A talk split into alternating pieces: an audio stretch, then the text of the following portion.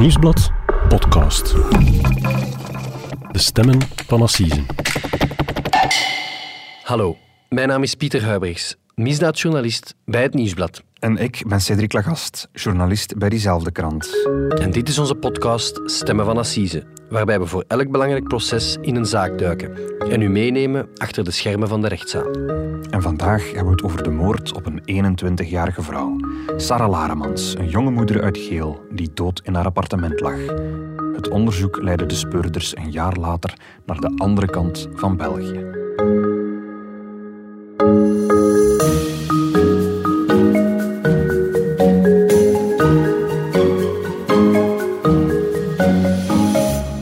Dag Cedric. Dag Pieters. Cedric, goedemorgen. Eh, we gaan er meteen invliegen. We gaan het vandaag hebben over een moord die plaatsvond in oktober 2017. En daarvoor moeten we naar Geel, in het hartje van de Kempen. Ja. Een moord op een jonge 21-jarige vrouw, dood aangetroffen in haar appartement, hoor ik. Wat Ja. weten we daar nog over? Wel, het gaat over de toen 21-jarige Sarah Laremans. Ze is op een zondagochtend gevonden door haar moeder. Ehm, ze had die ochtend afgesproken met haar moeder om samen te gaan te ontbijten bij die moeder, maar ze kwam niet af, dus die moeder maakte zich zorgen. En rond de middag eh, is, eh, is die moeder naar haar appartement getrokken. Die moeder had een sleutel, ze is het appartement binnengegaan. En de buren zagen de moeder daarna helemaal overstuur terug naar buiten lopen, hè, want ze had haar dochter dood teruggevonden in de woonkamer eigenlijk. Ze zat half tegen de badkamerdeur neer op de grond. De hulpdiensten kwamen erbij. En op het eerste zicht leek het op een roofmoord eigenlijk. Waarom, waarom een roofmoord? Wel, het hele huis was overhoop gehaald. Alle kasten stonden open. Haar juwelenkistje was leeggeroofd. Haar gsm was weg. Haar laptop was weg. Haar, haar handtas was leeg. En haar portefeuille en haar bankkaart waren ook meegenomen. Eh, de achterdeur stond ook open. Het was een appartement op, eh, op het gelijkvloers. Eh, en volgens de eerste vaststellingen was ze gewurgd. Er was die nacht nog 300 euro afgehaald met haar bankkaart rond drie uur s'nachts in Herentals. Is dat ver van Geel, Herentals? Eh, tien minuten rijden, denk ik. En dus ja, voilà, het zag er allemaal uit als een, als een roofmoord, maar toch waren er een aantal details waardoor dat de speurders toch wel begonnen te twijfelen of het wel echt een roofmoord was en of dat er niet iets anders achter zat. Welke details waren dat dan? Wel, details, het waren eigenlijk vooral verklaringen. Verklaringen van, van, van mensen uit haar omgeving, die, die een beetje vertelden hoe haar leven tot dan verlopen was. Ehm, maar bon, ik stel voor dat we daar straks even op terugkomen. Oké, ik begrijp dan dat er een, een klassiek moordonderzoek start, of een roofmoordonderzoek, en, en dat speurders gaan kijken van met wie heeft, heeft ze het laatst contact gehad in de dagen of uren voordien. Ja, dat klopt. De persoon met wie dat ze het allerlaatst contact had gehad, eigenlijk, dat was eigenlijk zo'n een, een, een maaltijdcourier. Zo'n een, Van iemand- uur. Voilà, ik weet niet van welk, maar zo iemand die met zo'n grote rugzak op zijn rug door de stad viest. En, en zij had op zaterdagavond nog een pita besteld en ehm, hij had die aan haar huis geleverd. Ehm, hij had kort contact met haar gehad, ze hebben dat onderzocht. Hij had uiteindelijk niks met die moord te maken. Wie het dan wel gedaan had, dat is eigenlijk heel lang een raadsel gebleven. Het heeft tot een jaar geduurd, vooral eer dat de politie een verdachte kon arresteren. En dat waren er dan meteen drie.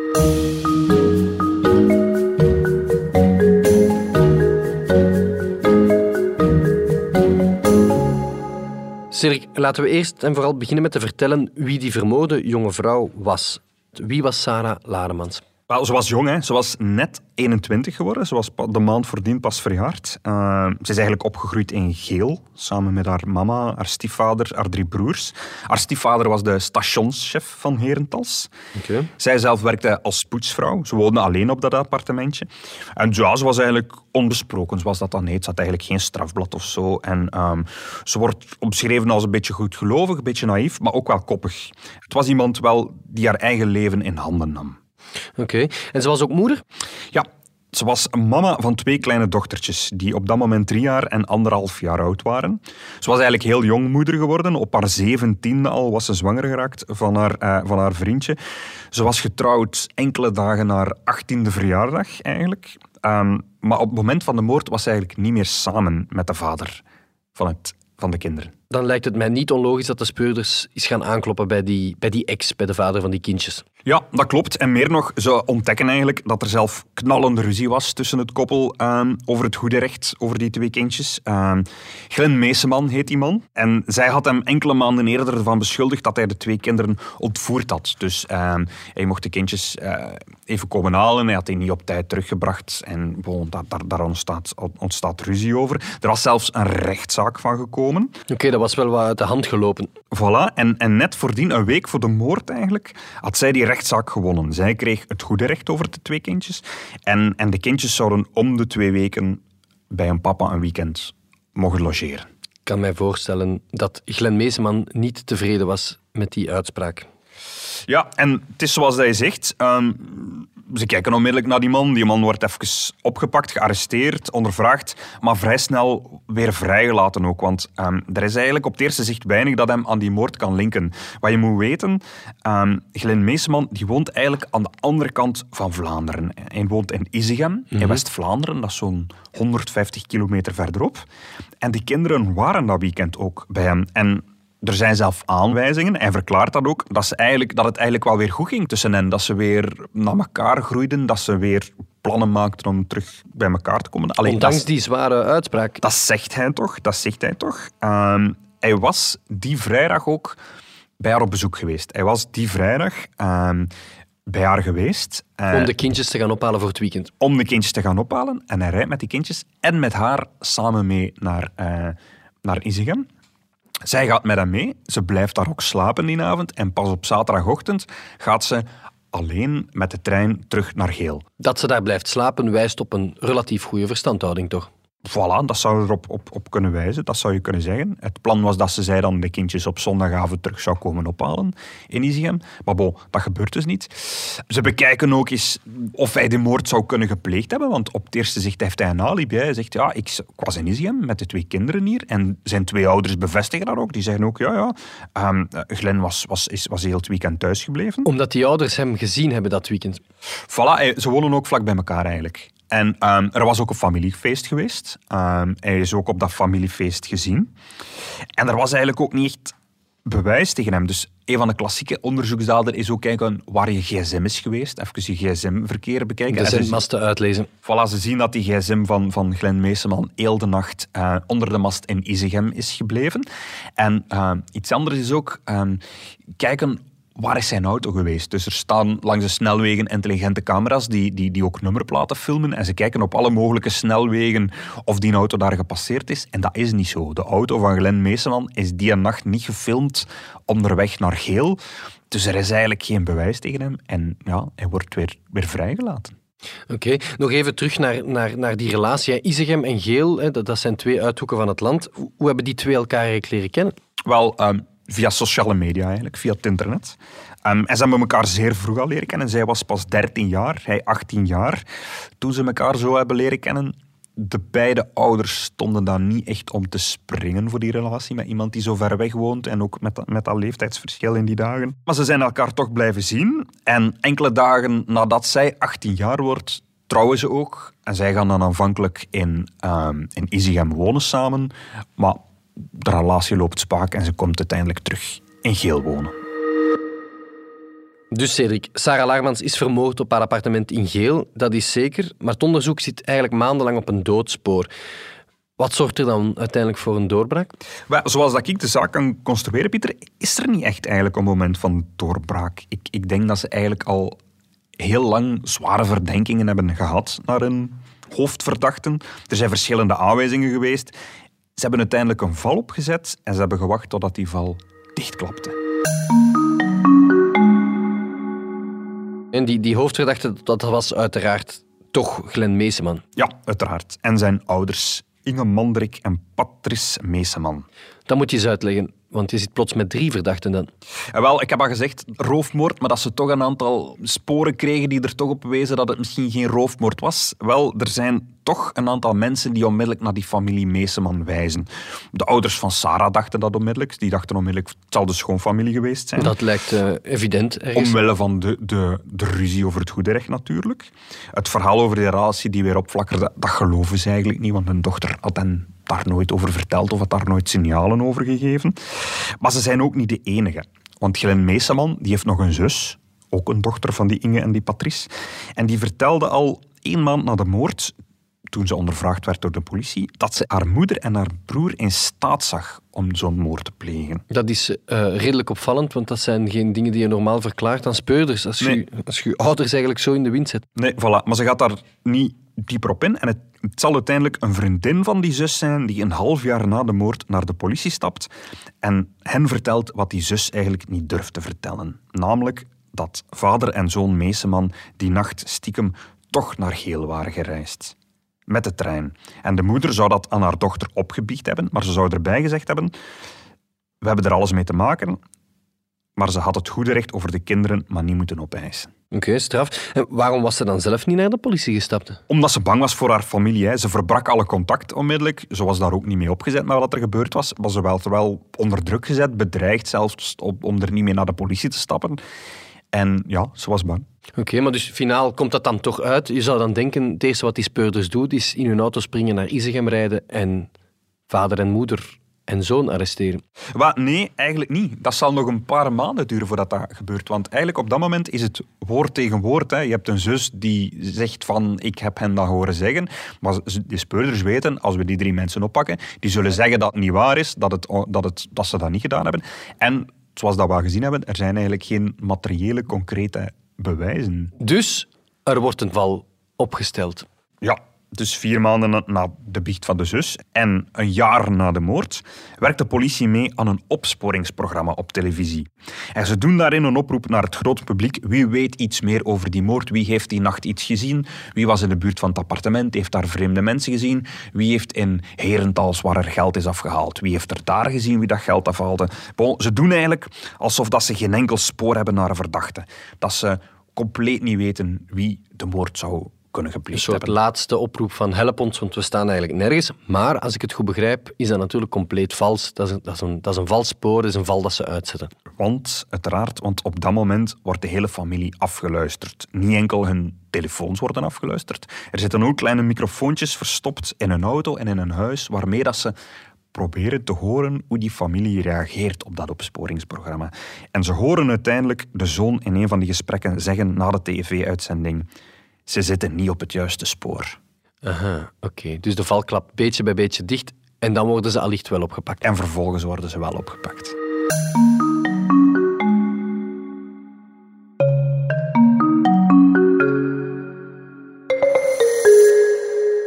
Dus Cedric, we zijn intussen één jaar na de moord. Hè. Eén jaar later worden er niet één, maar drie verdachten opgepakt. De ex-man van Sarah dus en zijn beide ouders. Zij zouden samen de moord beraamd hebben. Geven ze dat meteen toe? Nee, ehm, zoon Glenn en zijn moeder zeggen eerst dat ze nergens van afwisten. De vader, Patrice, die bekent wel. Maar hij zegt eerst dat hij de moord alleen gepleegd, he- gepleegd heeft. Dat hij alleen naar Geel is geweest. Hij wil eigenlijk de schuld op zich nemen. En hij houdt dat exact tien dagen vol, denk ik. Vervolgens zegt hij dat hij wel degelijk samen met zijn zoon samen naar Geel is gereisd. Dat moeder Inge thuis is gebleven die nacht. Bij de kindjes. Bij de kindjes, uiteraard. Maar dat ze wel mee in het complot zat. En vanaf dan is het eigenlijk ieder voor zich. Hè. Ze wijzen alle drie naar elkaar en, en ze proberen zoveel mogelijk van de verantwoordelijkheid in elkaar schoenen te steken. We zijn nu drie jaar en een half later intussen. Weten we nu precies wat er die bewuste avond in Geel gebeurd is? Wel, tussen de lijnen door komt er wel één gelijkaardig, één gelijklopend verhaal naar boven. Hè. Ze vertellen dat ze dus met tweeën effectief naar Geel zijn afgereisd. Vader en zoon zijn samen op de trein gesprongen. Met de trein zijn ze geweest, niet met de auto, om, om, om, om geen sporen na te laten. Ze hadden ook allebei zwarte kleren, donkere kleren aangedaan. Een pul met een kap boven hun hoofd, zodanig dat ze zich een beetje ehm, onherkenbaar konden maken. Ehm, ze hebben hun gsm thuis gelaten, omdat de zoon op televisie had gezien dat ze inderdaad iemand kunnen volgen via zijn gsm, dat de politie dat kan. Dus daarom bleef die gsm thuis. De auto blijft thuis om dezelfde reden. Ze nemen de trein. Maar opvallend, hoewel dat ze pas s'avonds vertrekken en de moord s'avonds gepleegd wordt, kopen ze die treintickets al om 11 uur s ochtends. Dat is eigenlijk een heel belangrijk detail, denk ik. Dat misschien op Absoluut. het proces ook aan bod zal komen. Absoluut. Er zit natuurlijk een hele dag tussen dan en dat wijst op voor bedachtheid. En dan spreken we van moord. Inderdaad, dan wijst erop dat ze eigenlijk al ochtends van plan waren om, om naar Geel te vertrekken. Dat ze er eigenlijk over aan het nadenken waren en dat ze niet zomaar in een opwelling op de trein zijn gesprongen om met Sarah te gaan, te gaan praten over, de, over het goede recht van die kindjes, zoals dat ze aanvankelijk wel beweerden. Oké, maar dus terug naar dat appartement. Ze komen daar samen toe, alle twee in zwart gehuld, kap over hun hoofd. Wie gaat als eerste binnen? Wie, wie, wie doet wat? Leg het me uit. Wel, Glenn zou als eerste zijn binnengegaan. Hij zegt dat hij ehm, met haar wou praten over het goede recht van de kindjes, maar daar is ruzie van gekomen en hij zou Sarah uiteindelijk gewurgd hebben. Nadien zou hij nog zijn vader binnengeroepen hebben, die is ook binnengekomen, en die zou eh, Sarah met een dweil versmoord hebben. Dat is de verklaring van Glenn Meerseman, voor alle duidelijkheid. Want de discussie is wel nu nog wie wat gedaan heeft en wie haar uiteindelijk het, het, het leven zou ontnomen hebben. Dat is niet helemaal duidelijk. Ze vertellen elk een andere versie. Ze geven allebei toe dat ze erbij waren, Ehm, maar hun versies zijn niet gelijklopend. En ze wijzen naar elkaar? Of? Ja, niet echt. Ze, ze zeggen allebei wel wat ze gedaan hebben, maar ze zeggen ook wel dat de andere er ook wel bij was. Maar het is niet zo dat ze, dat ze alle twee zeggen van ik heb er niks mee te maken, het is de andere geweest. Het, is, het zijn eigenlijk ja, twee verhalen die gelijk lopen, maar toch niet helemaal op hetzelfde spoor zitten. Cedric, dan duikt er vorig jaar plots nog een opvallend zijverhaal op. Hè. Plots ehm, is er een krantenartikel dat speurders aan het graven zijn op een kerkhof in Harelbeke, ook West-Vlaanderen. En dat heeft met dit verhaal te maken. Ja, Leg uit. Wel, dat verhaal komt eigenlijk van de moeder, moeder Inge. Ehm, zij heeft dat verhaal naar buiten gebracht toen ze onder aanhouding zat, toen ze in de gevangenis was. Ze was ontstemd over die aanhouding, want eigenlijk zelf zegt ze dat ze daar niks mee te maken heeft. Maar ze vertelt plots spontaan tijdens een verhoor dat Patrice Meeseman, haar man, zo'n 20 jaar geleden, in 2001, zijn eigen vader Arthur zou vermoord hebben. Hij zou zijn eigen vader met een overdosis pillen omgebracht hebben. En die moord zou nooit opgemerkt geweest zijn en Arthur zou gewoon begraven zijn. Straffe kost. Eh, het doet mij een beetje denken aan die podcast eh, die we twee weken geleden opnamen over de perfecte moord, de perfect murder. Ja. Eh, vraag is, gelooft het gerecht Jawel, dit? het openbaar gerucht noemde wetsdokter Werner Jacobstad in onze podcast. Hè, dat er soms moordonderzoeken opgestart worden nadat mensen beginnen praten. Dat was hier dus het geval. Die moord was niet opgemerkt, maar was, is, is dus nu wel op de radar gekomen omdat iemand begon te praten. En het Kortrijksgerecht heeft alvast een onderzoek geopend. Hè. Voor alle duidelijkheid, Patrice Meeseman die ontkent dat hij zijn eigen vader eh, vermoord heeft. Maar het gerecht heeft vorig jaar het lichaam van de vader laten opgraven op het kerkhof van Harelbeke. En dat lichaam zou na al die jaren toch nog vrij goed bewaard zijn geweest. Dus er zou wel degelijk een onderzoek mogelijk zijn geweest. Naar, Je zou eh, het tegendeel verwachten na twintig jaar. Voilà, maar het blijkt goed bewaard geweest te zijn. En het, het gerecht heeft wel degelijk tijd en energie geïnvesteerd in dat onderzoek, want er zou zelf een rogatoire commissie naar Spanje zijn gestuurd. Oké, en wat, is het, wat heeft dat voor resultaat opgeleverd? Dat weten we nog niet. Dat onderzoek loopt nog altijd, blijkbaar. Of de vader hiervan ook in verdenking zal worden gesteld, dat is tot nu toe niet gebeurd. Of dat er een proces komt, dat zullen we moeten afwachten. Oké, maar op dit assiseproces komt dat niet aan bod. Nee, op dit assiseproces, eh, hiervoor staan ze niet terecht. Over naar het proces, Cedric, dat volgende week op 10 juni start. Wie zijn de advocaten in de zaak? Wel, eh, Glenn Meeseman, de zoon, die laat zich verdedigen door meester Luc Verheijen. Dat is een Antwerpse strafpleiter. We kennen hem van een aantal correctionele processen. Onder meer van de rechtszaak tegen vijf Antwerpse jongeren die twee Nederlandse toeristes hebben aangerand een aantal jaar geleden. Dat zegt je misschien nog iets. Ehm, vader Patrice Meeseman die laat zich eh, bijstaan door meesters Pieter-Jan Heremans en Antti Boermans. Twee eh, Antwerpse pleiters. En moeder Inge Mandrik die is kort geleden van advocaat gewisseld. Dat is nu Peter Gonissen, een jonge Gentse strafpleiter. Hij is sinds 2017 aangesloten bij de, bij de Gentse balie. Oké, en de familie van Sarah Laremans dan? Wel, die laat zich ook bijstaan door een advocaat. Dat is Cedric Monheim. Die ken je misschien nog van andere dossiers, Pieter. Ja, die ken ik nog van een, eh, van een groot dossier in, eh, in het Antwerps. En op een gegeven moment is er, eh, is er een minderjarige asielzoeker eh, vermoord. De kleine Juist. Daniel. Ik heb daar nog grote stukken over geschreven. En Ja. Cedric Monheim die verdedigt daarin een van de daders. Oké. Oké. En ook de twee dochtertjes eigenlijk, die hebben ook een advocaat toegewezen gekregen, omdat zij, eh, Ja, ze zijn minderjarig natuurlijk, maar er is een voogd aangesteld. En in het kader daarvan hebben zij ook een advocaat gekregen. Twee zelfs. Dat zijn Anthony Malego, Oost-Vlaams advocaat, en Kelly Verboven. Mhm. zeker, zeker meester Malego die komt eh, de laatste jaren wel vaker uh, in assisezalen. En in deze podcast komt hij ook wel eens aan het pot, natuurlijk. De aanklager in deze zaak, dat is advocaat-generaal Bjorn Baks. En de voorzitter is Dirk Thijs. Beiden zagen we in april als aan het werk op het assiseproces tegen de Bonnie en Clyde van de Kempen, Marco Lodet en Ashley van de Velde. Proces dat jij hebt gevolgd voor de krant. Inderdaad. Cedric, het assiseproces in Antwerpen start volgende week op 10 juni. Vraag is wat die drie uh, beschuldigden nu eigenlijk riskeren. Wel, ze staan alle drie terecht voor de moord op Sarah Laremans als dader of als medeplichtige. Het was gepland, denkt het gerecht. En in dat geval spreken we over een, uh, is de maximumstraf levenslange, levenslange celstraf. Maar ze zijn het daar eigenlijk alle drie niet mee eens. Opvallend is bijvoorbeeld dat uh, ook moeder Inge mee als medeplichtige terecht staat. Nochtans, je zou kunnen zeggen, op het moment van de moord was zij in Isigem niet in geel, dus zoals 150 kilometer daarvan verwijderd. Uh, maar de zoon zegt, ja, ze was daar wel degelijk bij betrokken, want ze was op de hoogte van het plan. Ze zegt zelf dat zij de moord mee zou beraamd hebben. Nu, de moeder zelf ontkent dat. Ze zegt dat ze ze pas achteraf heeft vernomen wat daar gebeurd is in geel. Zij zal in de rechtszaal resoluut voor de vrijspraak gaan, denk ik. Hè. Zit zij nog in de gevangenis? Nee, zij zit niet meer in de gevangenis. Zij, is met een, uh, zij zet haar straf uit met een enkelband. Dus uh, officieel is ze nog steeds aangehouden, maar bon, ze, dat is niet meer in de gevangenis. Oké, okay, en de, de strategie van vader Patrice dan? Wel, uh, vader Patrice erkent dat hij er die avond bij was. Hij is wel degelijk in geel geweest, maar hij zegt dan weer dat hij van een plan om Sarah Laremans te vermoorden vooraf niet op de hoogte was. Hij zegt, oh, ik was enkel mee met mijn zoon. Mijn zoon wou met daar gaan praten.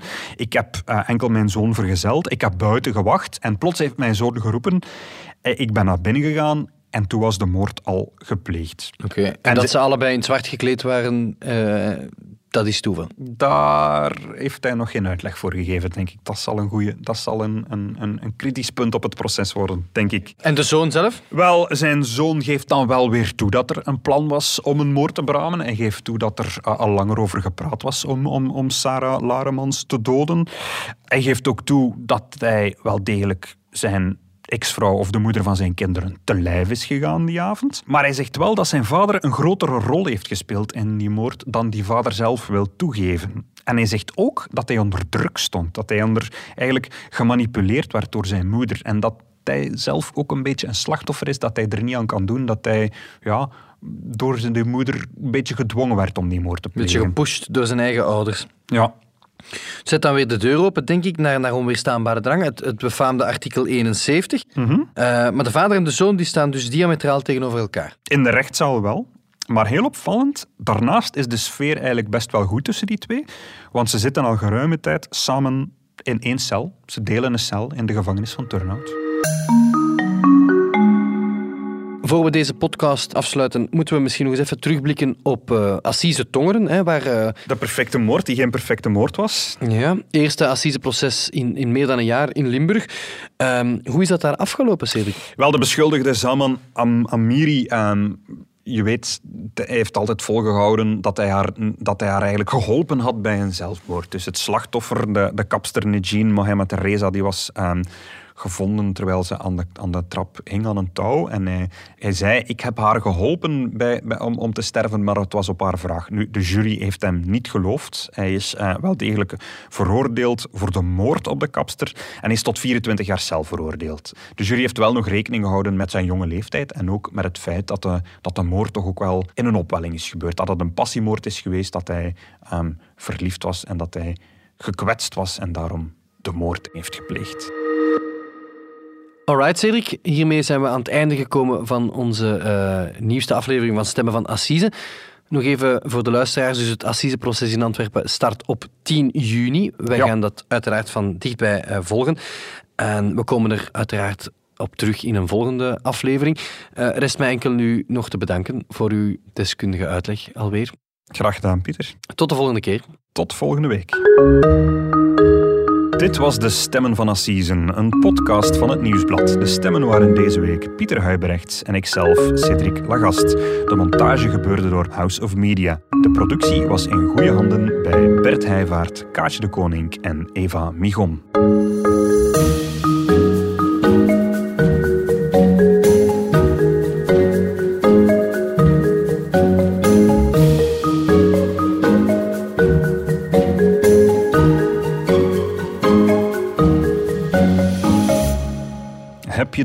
Podcasts van het Nieuwsblad al beluisterd? In Slimmer Leven praten we bij over wat er echt toe doet in het leven. Er is onze politieke podcast Het Punt van Van Impe met onze hoofdredacteur Lisbeth Van Impe. De mannen van Shotcast zijn zich al volop aan het opwarmen voor hun EK. En ook het peloton blijft rijden. En dat kan je volgen in De Koers is van ons.